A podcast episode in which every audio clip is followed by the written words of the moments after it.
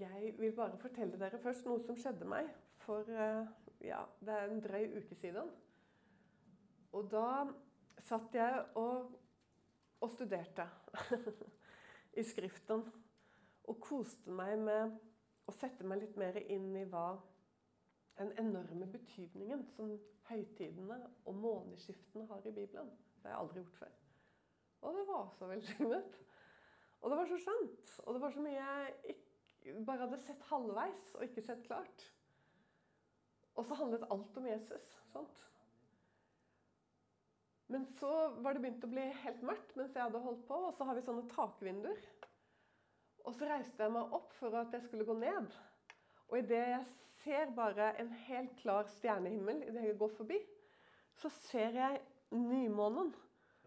Strå Du vet når den er helt ny, ny, ny, ny. Og og jeg har da sett det mange ganger før, men jeg har aldri sett det så skjønt. Og så kom jeg til å tenke For da hadde jeg akkurat lest om den første nyttårsmåneden i Bibelen. For det står det om i andre Mosebok, i det tolvte kapittelet, så står det dette skal være deres nyårsmåned. Når de gikk ut av Egypt. Og det er Nisan i Bibelen. Og så kom jeg til å tenke Gud, er det, er det nå i kveld at vi går inn i Nisan, som er den en av to absolutt viktigste månedene i Bibelen. I høytidene det er Nisan, og så er det Tishri, som er syvende måned. Den første og den syvende måneden. Nesten alle høydene, høytidene i Bibelen er i de to månedene. Kan jeg tenke, Er det nyttår?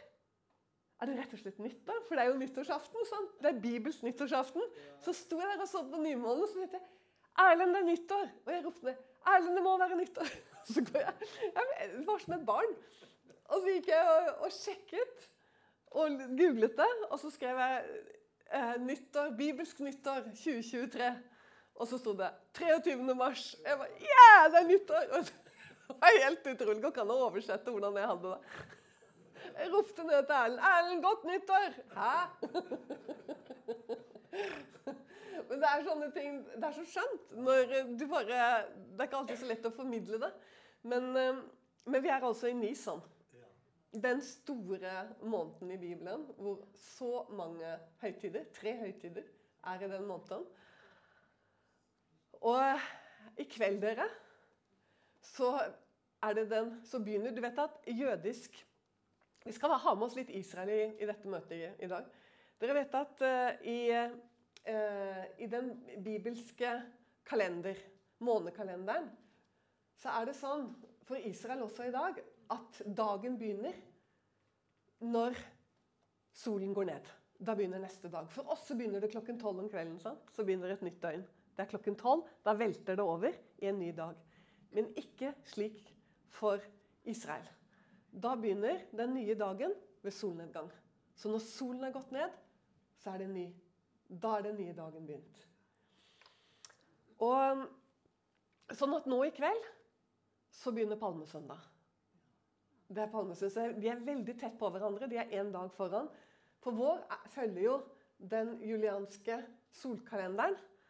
Det er jo ikke den bibelske kalenderen vi har, men den er ofte ganske tett på den bibelske.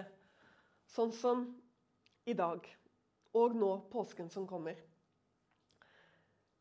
Men det står noe Er det noen av dere som husker det? Det står noe om den tiende dagen i den første måneden. Det er det første Gud sier når det gjelder høytidene. Det er det første han ber dem om. Og det handler om Jesus, og det er derfor jeg står her og snakker om det. Ellers hadde jeg ikke behøvd å si noen ting om det. Men det er noe som er så vidunderlig å oppdage. Det er hvor utrolig nøyaktig Jesus er. I forhold til alt han gjorde og oppfylte. Så til de grader nøyaktig på Guds ord. Og til og med den tiende dag, palmesøndag Dere, hva var det? Hva er det det står i loven at skal skje på den tiende dag? Hva er det det står om den tiende dag? Jo, da skal enhver husfar i Israel ta ut påskelammet. Ta ut påskelammet og sette det til side. For om fire dager deretter så skal det slaktes. På den dagen sånn, Ingen tilfeldighet. På den dagen er det at Jesus ber disiplene om å gå og løse eselet og eselfolen. Løs det. Løs det, og ta det til meg. Og så setter han seg på det. Jeg klarer ikke helt å se dette for meg. At det går an å sitte på en eselfole.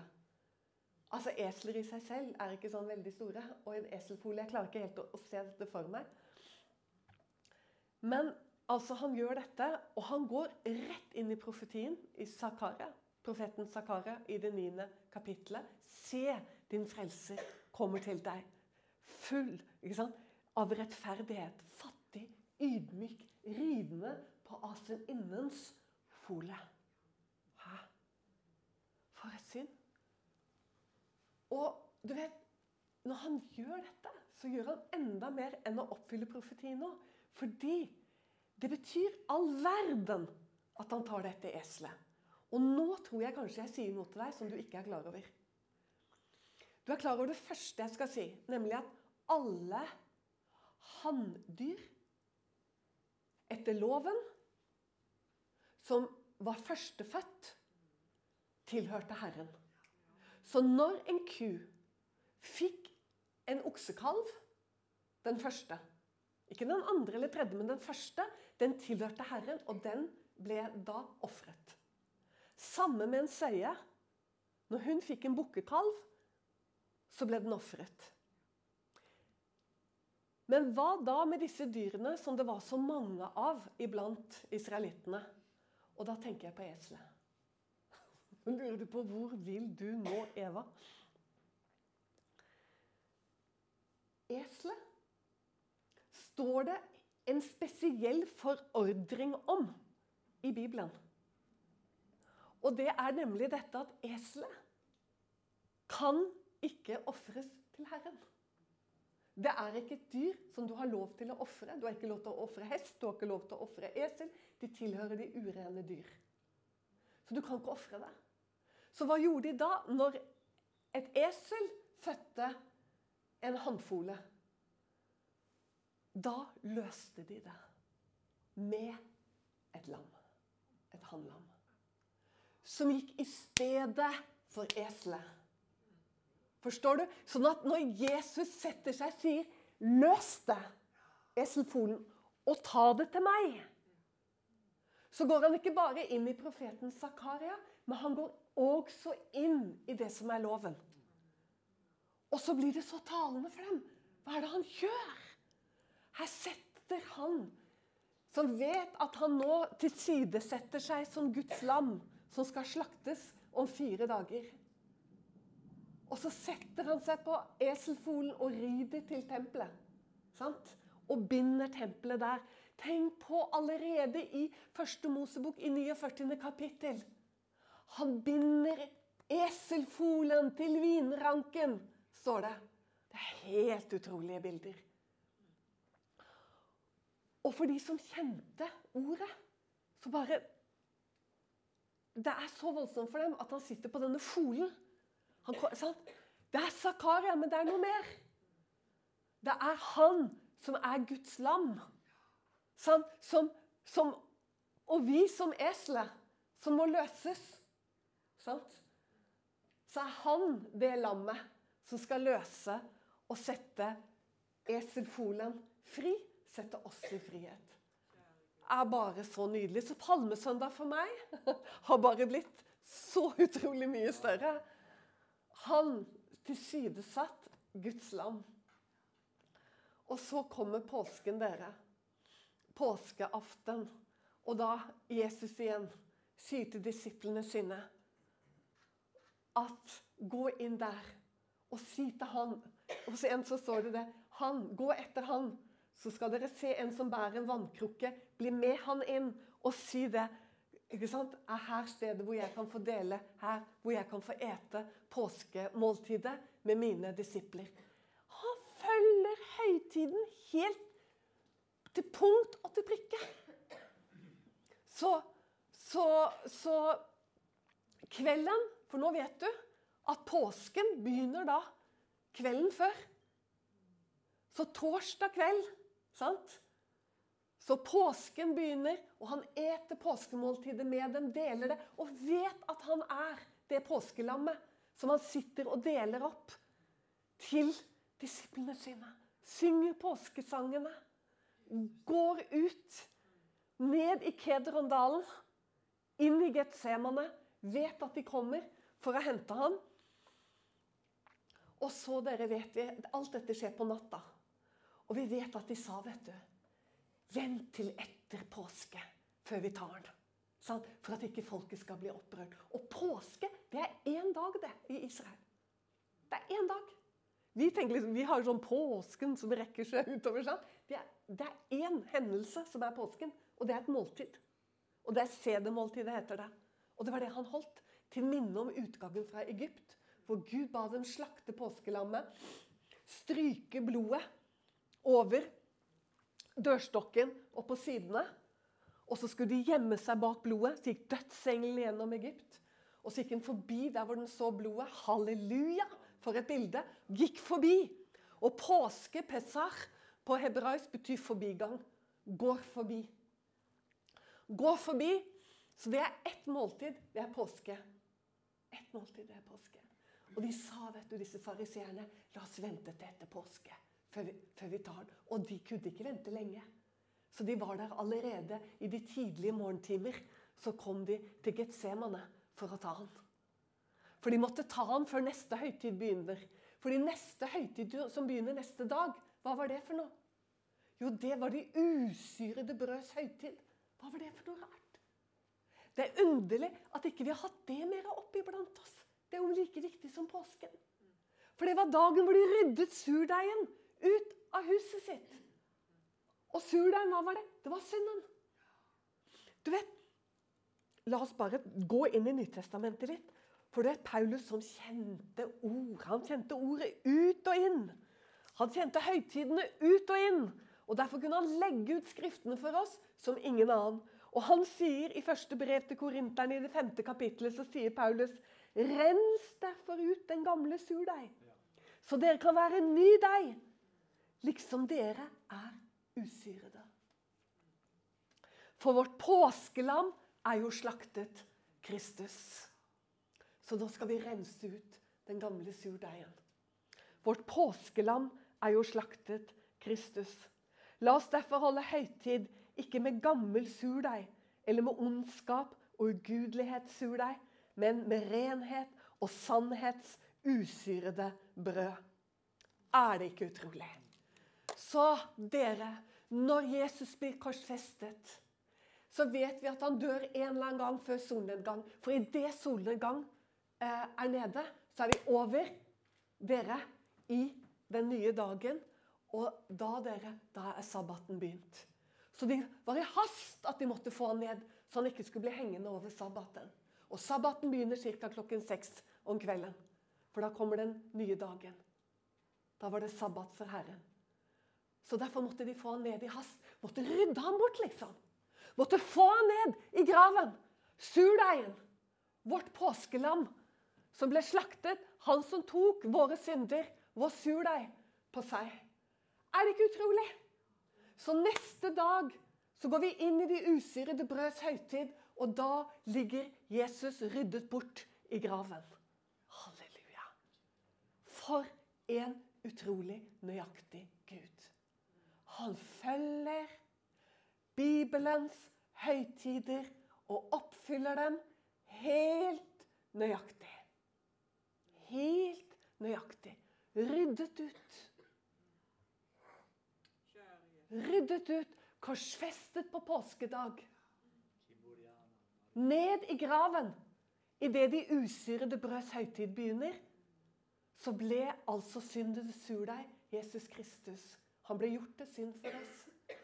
Han ble ryddet bort. Tenk hvordan de holdt på, da. For jødene holdt på med det på den dagen. Den dagen Jesus ble korsfestet. Da måtte de gå etter surdeig i hele huset sitt. Det måtte ikke finnes et lite snev av surdeig. Og vet du hva?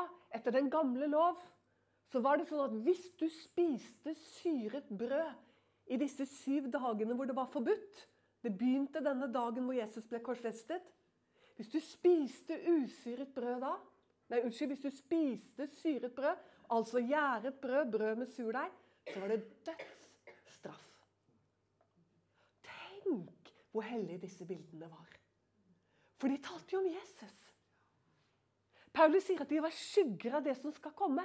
Men for noen vidunderlige skygger! Det kaster skygger av han, nemlig.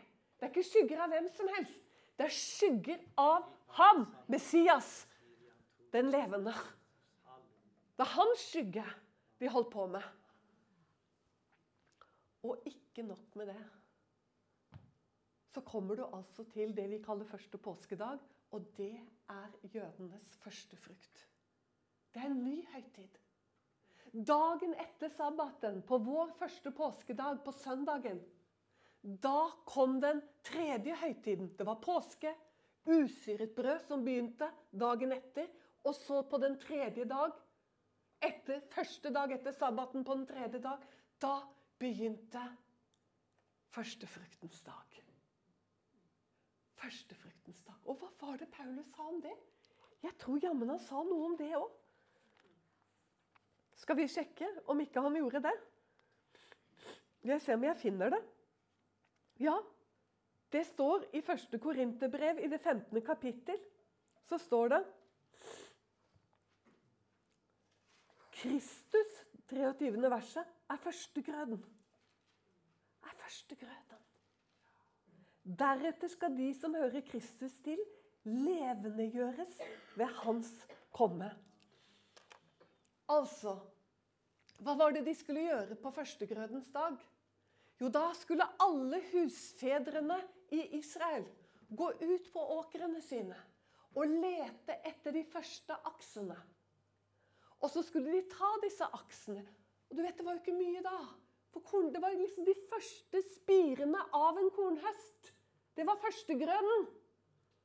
Da, de, da går de ut på åkrene sine, og så finner de et aks her. Og så finner de et aks der. Skjønner du? Og ett der og ett der. Det er ikke høst ennå, men det er førstegrøden. Så skulle de binde det sammen, og så skulle de svinge det Vet du, Mange ganger jeg bare lest forbi det der, så jeg har liksom ikke orket å sette meg inn i det. Og så skulle de svinge det for Guds åsyn. Og det gjorde de.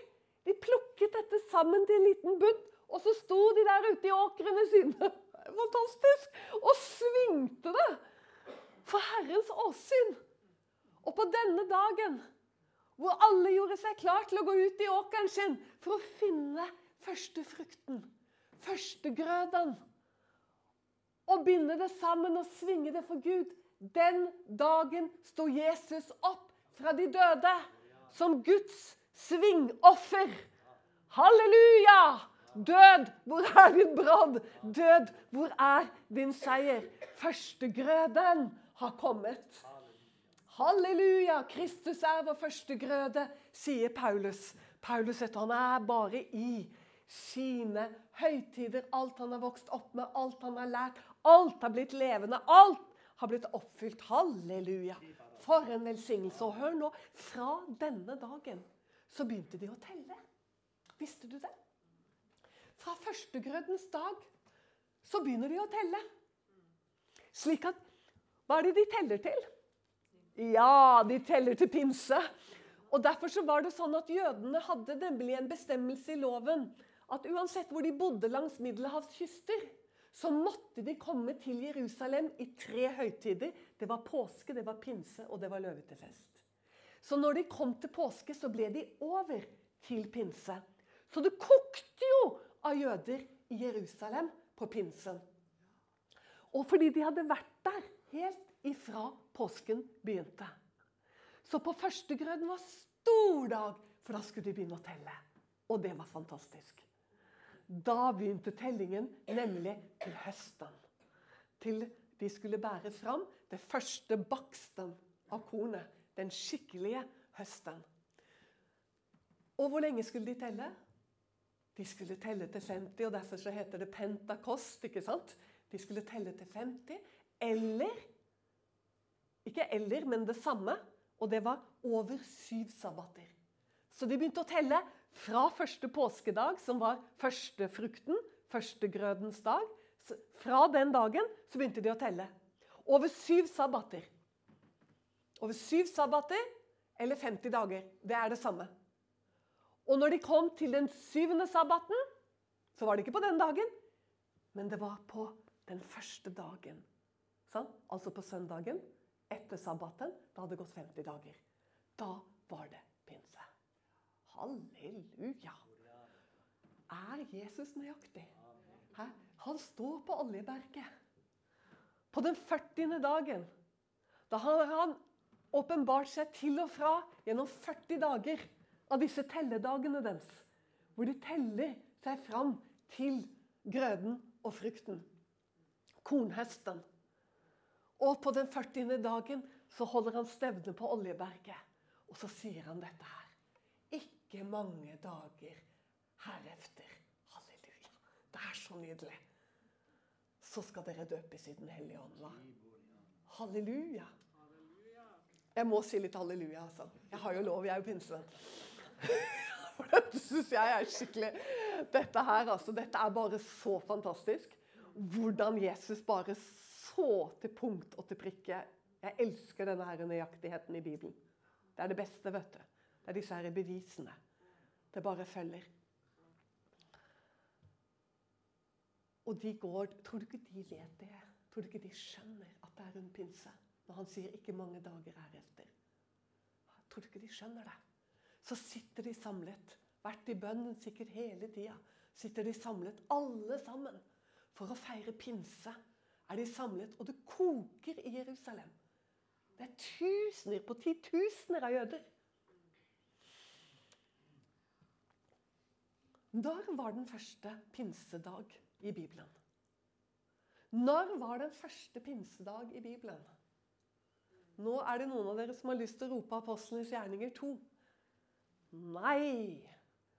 Vi skal til andre Mosebok 19. Og nå skal vi ta en tur dit, for det er fabelaktig. Og det skal du lese før du sovner i kveld. Andre Mosebok 19 og 20. For jeg kan ikke lese hele for deg. For det har vi ikke tid til. Men du skal lese det før du sovner. Lover du meg det? Der hørte jeg et unisont ja.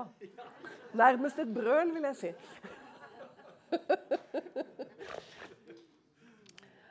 Andre Mosebok 19. Hva er det?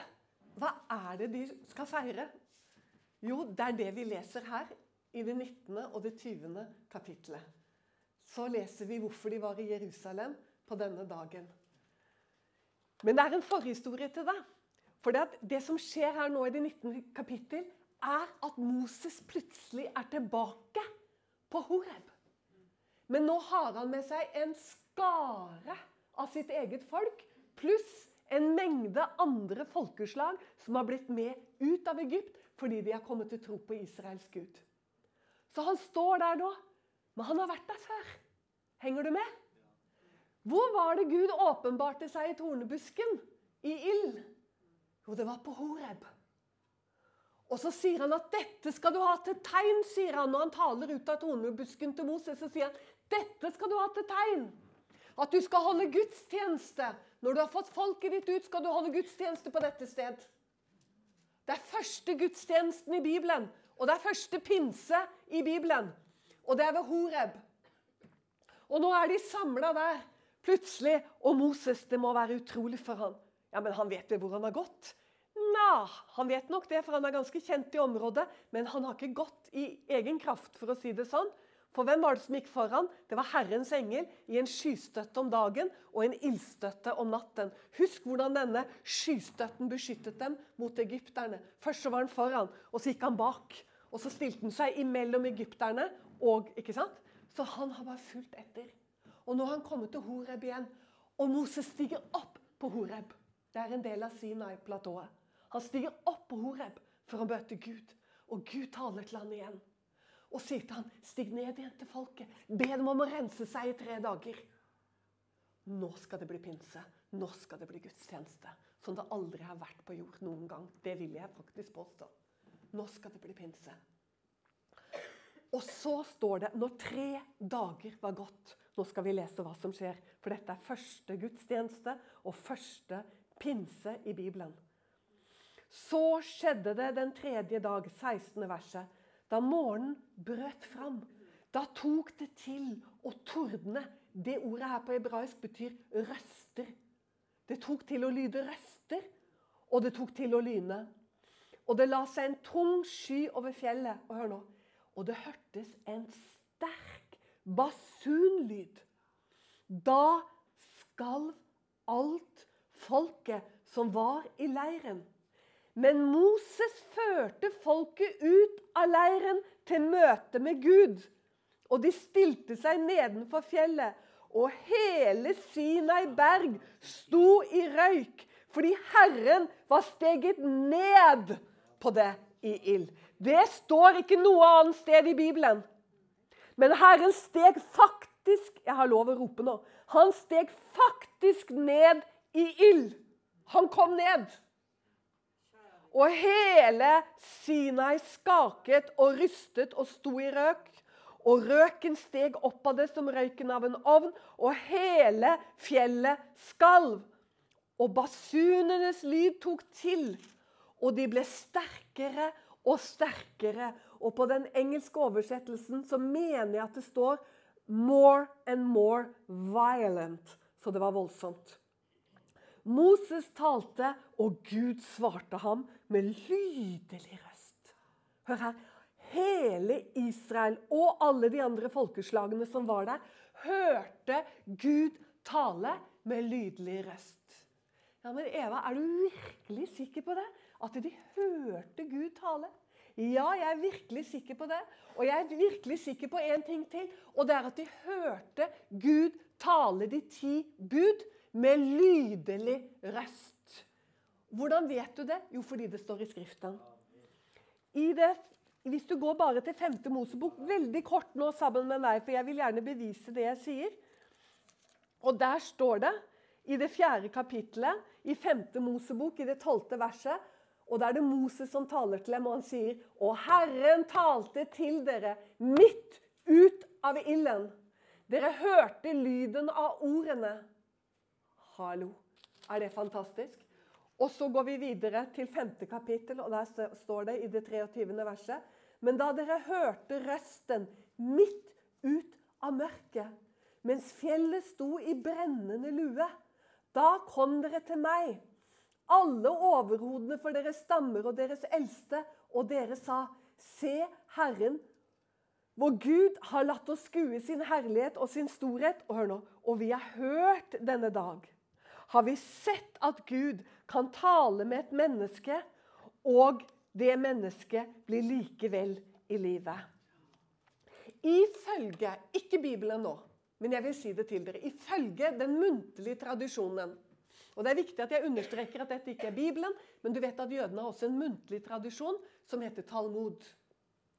Ifølge den så talte Gud på Sinai i 70 språk. Og ifølge Talmud så var det sånn at han talte jo da, som det står skrevet, ut av ild, så hele folket hørte det. De ti bud talt med lydelig røst og med ild. Og ifølge rabbinerne da, så mener de at han talte personlig til hvert menneske som sto der. Og derfor så måtte han tale på 70 språk. For det var ikke bare hebreere og hebraisktalende i den mengden som sto ved Horeb. Dette er ikke Bibelen, men det er interessant. Og det er interessant fordi vi vil nå nemlig gå videre tilbake til apostlenes gjerninger. Men før vi gjør det, så vil jeg at du bare skal se hva som skjer. For når du er over i det 20. kapittelet, så er du over i, i de ti bud. Sånn at nå taler Gud. Hele folket hører.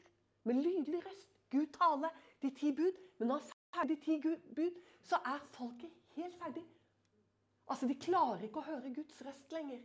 De, du vet at de har ikke noe blod ennå. De har ikke noe Golgata ennå. De klarer ikke å høre lenger, så de sier 'Moses, tal til oss, du!' Men det er noe underlig her. Fordi at Gud sier nemlig Det er noe underlig. Fordi han sier nemlig i det 19. kapitlet, i det 15. verset Dersom dere nå lyder min røst og holder min pakt, da skal dere være min eiendom fremfor alle folk, for hele jorden hører meg til. og dere skal være meg et kongerike av prester og et hellig folk.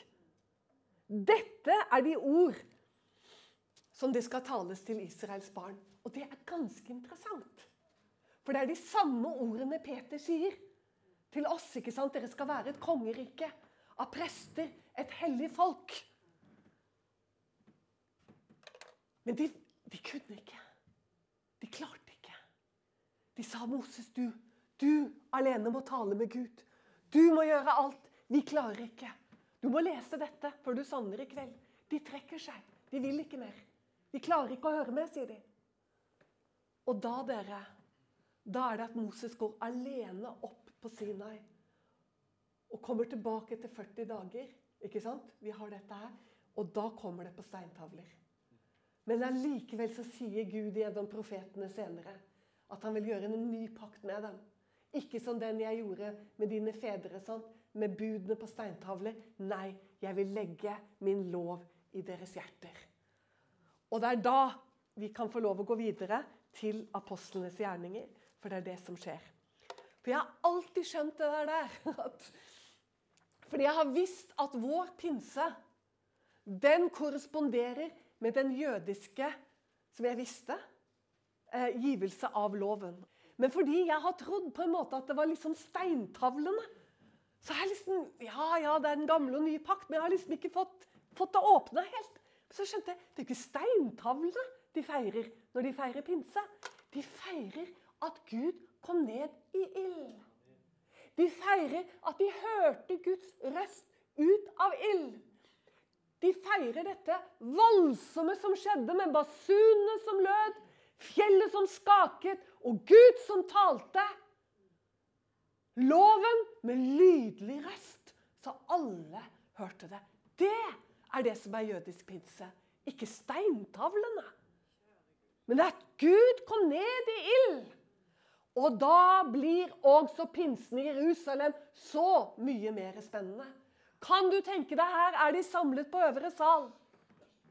La oss lese hva som står i apostlenes gjerninger. I det andre eh, kapitlet så står det på denne måten. Og da pinsefestens dag var kommet, var de alle samlet på samme sted. Og hør nå. Og med ett kom det en lyd. Men jeg tror ikke den hørtes ut som den der.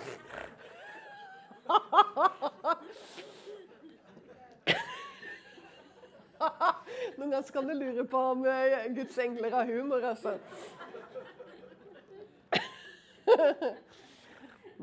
Og da pinsefestens dag var kommet, var de alle samlet på samme sted, og med ett kom det en lyd fra himmelen som av et fremfarende veldig vær. Du, Vi glemmer litt hva som står her, for vi har det med å gå veldig fort vet du, til disse ildtungene. Men det står, og igjen må jeg si, i den engelske oversettelsen og på gresk her, så er det et ord som er mye sterkere enn veldig. Derfor er det oversatt på engelsk til 'violent'. Hva er det for noe? Det er voldelig. Forstår du? Da er vi over i orkanstyrke. Ja, vi er det, altså.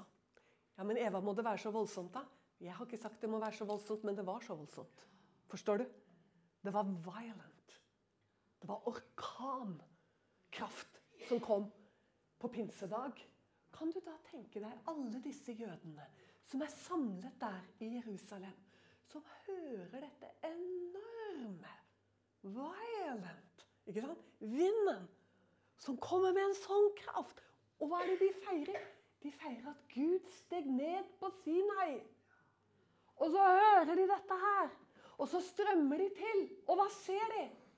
De ser ild som setter seg på hodene som tunger av ild. Som setter seg på hver og en av de som var samlet der.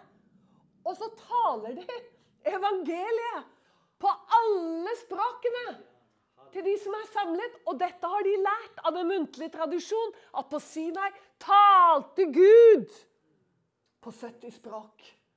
Og så står de der og ser ilden og hører brakene og lydene og tordenene. Det er pinse. Det er pinse. Og 3000 ble lagt til menigheten på pinsedag.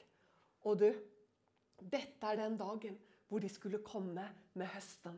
Ikke sant? For nå har de talt 50 dager fra første grøden. Og da skulle de komme med grøden. Og hvilken grøde de kommer med på første pinsedag. 3000 blir født på ny. Halleluja. Hvilke brød de får svinge! Her sto presten og svingte brød. Sånn. I hjemmene sine så sto de der med brødene. Og midt i Jerusalem så ble 3000 lagt til. Hvilken grøde!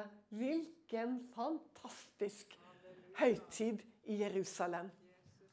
Og så fortsatte det å koke dere igjennom sommeren. For nå er vårhøytidene slutt med pinse. Så når da kornhøsten var over med pinse, brødene var på plass, grøden var i hus, så kom sommeren og veksttiden. Og hva var det som skal vokse nå, da? Ikke kornet. Det som skal vokse nå, det er frukten. Så frukthøsten, den er på høsten. Og det syns jeg er så flott. Kornhøsten er ferdig. Gjennom sommeren så skal olivene, så skal, eh, så skal eh, fikene, så skal druene, ikke minst. Og så er det jo denne andre, som, denne røde, flotte eh, Hjelp meg, dame, som har seks Granateple! Ja, det er de fire store som skal høstes. Hva? Det er frukten. Så gjennom den tørre månedene Juni, juli og august, hvor stort sett alle israelere stikker av fra landet. Fordi det er de tørre, vanskelige og altfor hete månedene. Det er ikke som i Norge, du. Nei, det er for mye av det gode i Israel. Men det er jo tid nå hvor frukten skal modnes. Og jeg tenker på denne verdens tørke. ikke sant? Ørkenen. Hvor frukten skal beredes og gjøres moden til høst. Og Jesus har sagt oss han kommer ikke bare én gang, men han kom to ganger.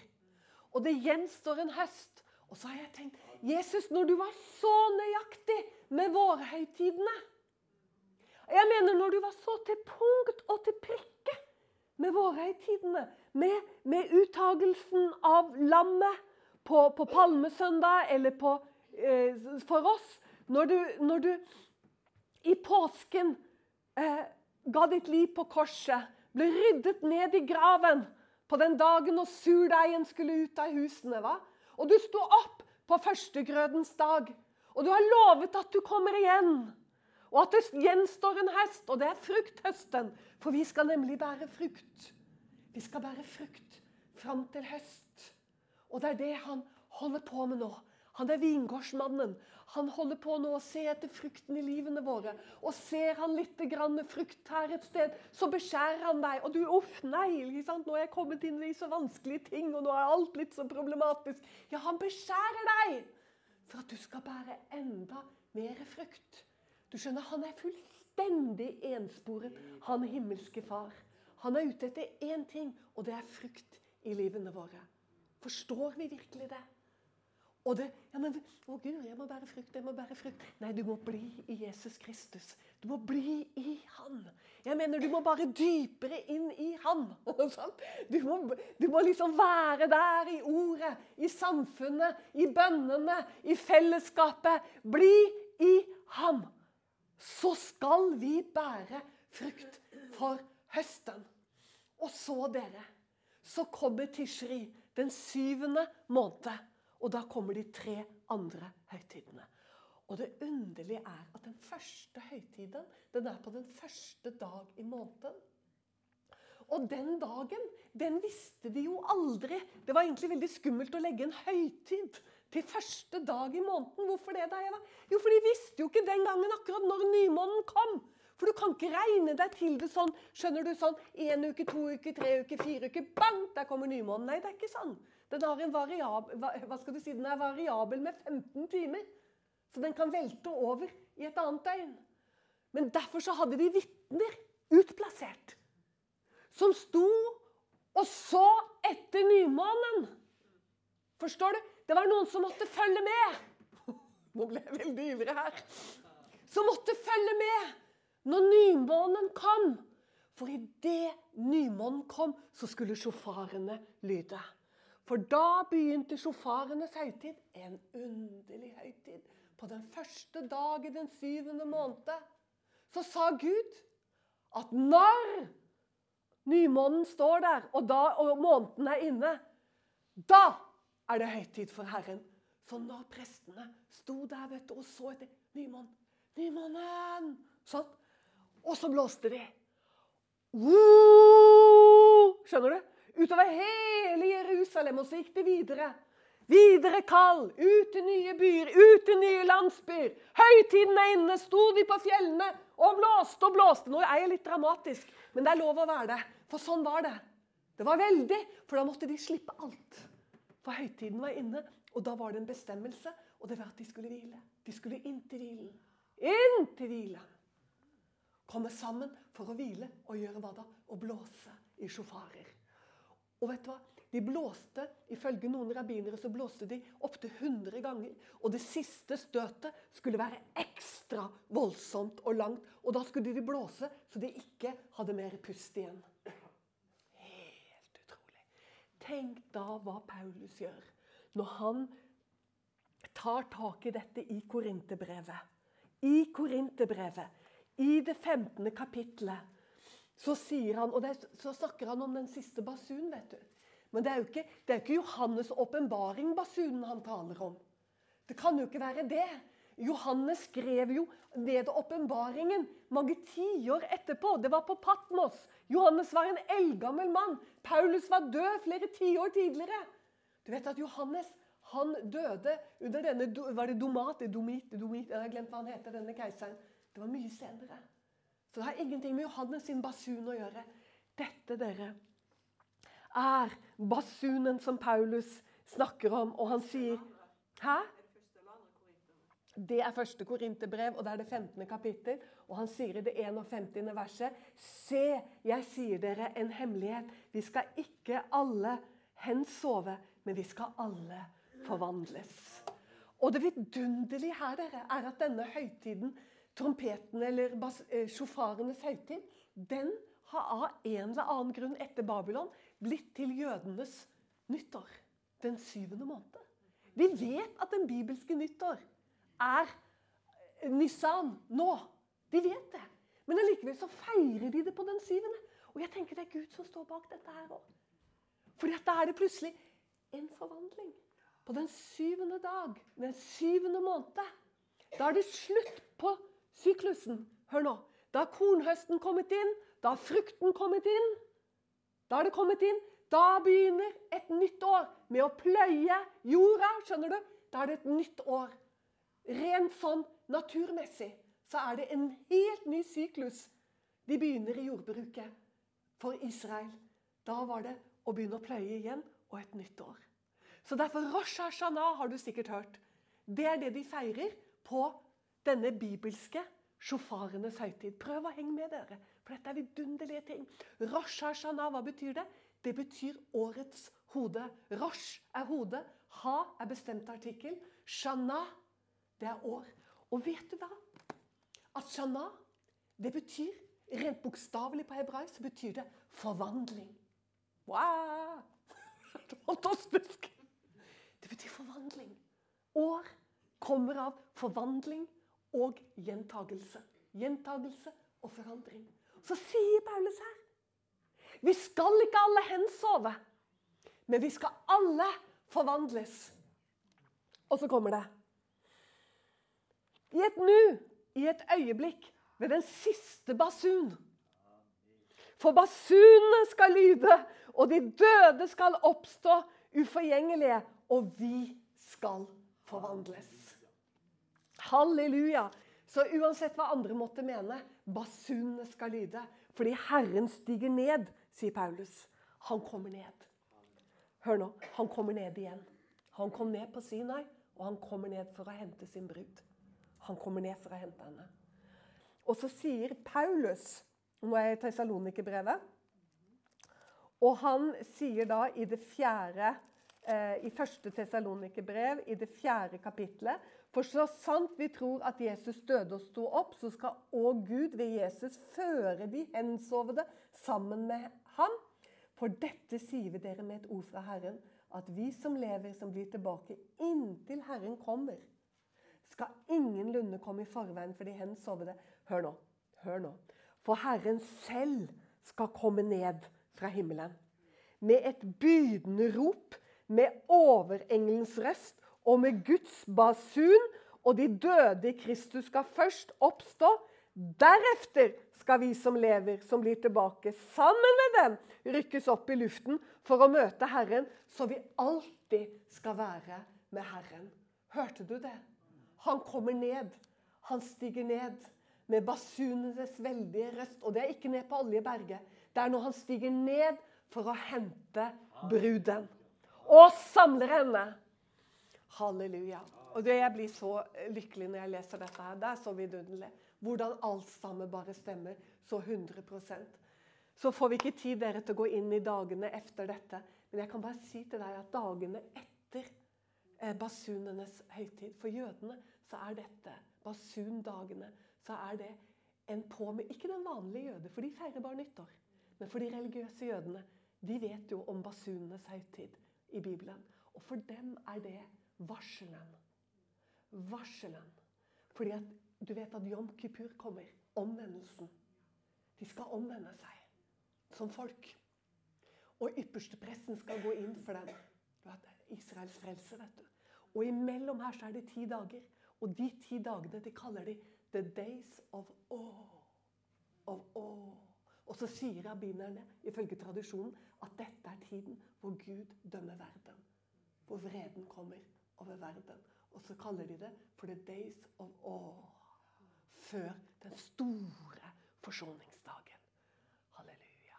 Han skal frelse sitt folk. Han skal redde dem, du. Han skal gå imot fienden fra nord og folkeslagene og alle sammen. Han skal rydde de vekk, som han gjorde i de gamle tider. Han skal frelse dem. Takk og lov og pris. Ser, vi ser stykkevis og vi ser delt, delt, men når han kommer, så skal vi se fullt ut. Vi skal se det hele. Men jeg syns bare det er så vidunderlig med dette. Det er noen som går veldig langt og sier ja, men da må han jo komme, da. Siden han har vært så bokstavelig på alle høytidene. Hvordan han har oppfylt den. Ja, da kommer han vel også på basunenes høytid. Du, Jeg har ikke lyst til å spekulere om det. Uansett så har han satt den høytiden dere, til en varsel for oss. Og så var det sånn at den første dagen i syvende måned det var sånn, De sa om denne måneden at de, du kan ikke kjenne dagen og du kan ikke kjenne timen når nymånen kommer. Du vet ikke når den kommer. Du vet ikke. Er det ikke herlig? Det er vidunderlig. Å, Gud i himmelen, jeg takker deg. Jeg priser deg for ditt ord. Fordi at eh, du blir så synlig for oss, Herre. Du som er livets brød, så kom ned for å gi oss mat, Herre. Takk for dette vidunderlige håpet som du har satt. Stå med oss økonomisk og i bønn. Du finner oss på utentvil.com.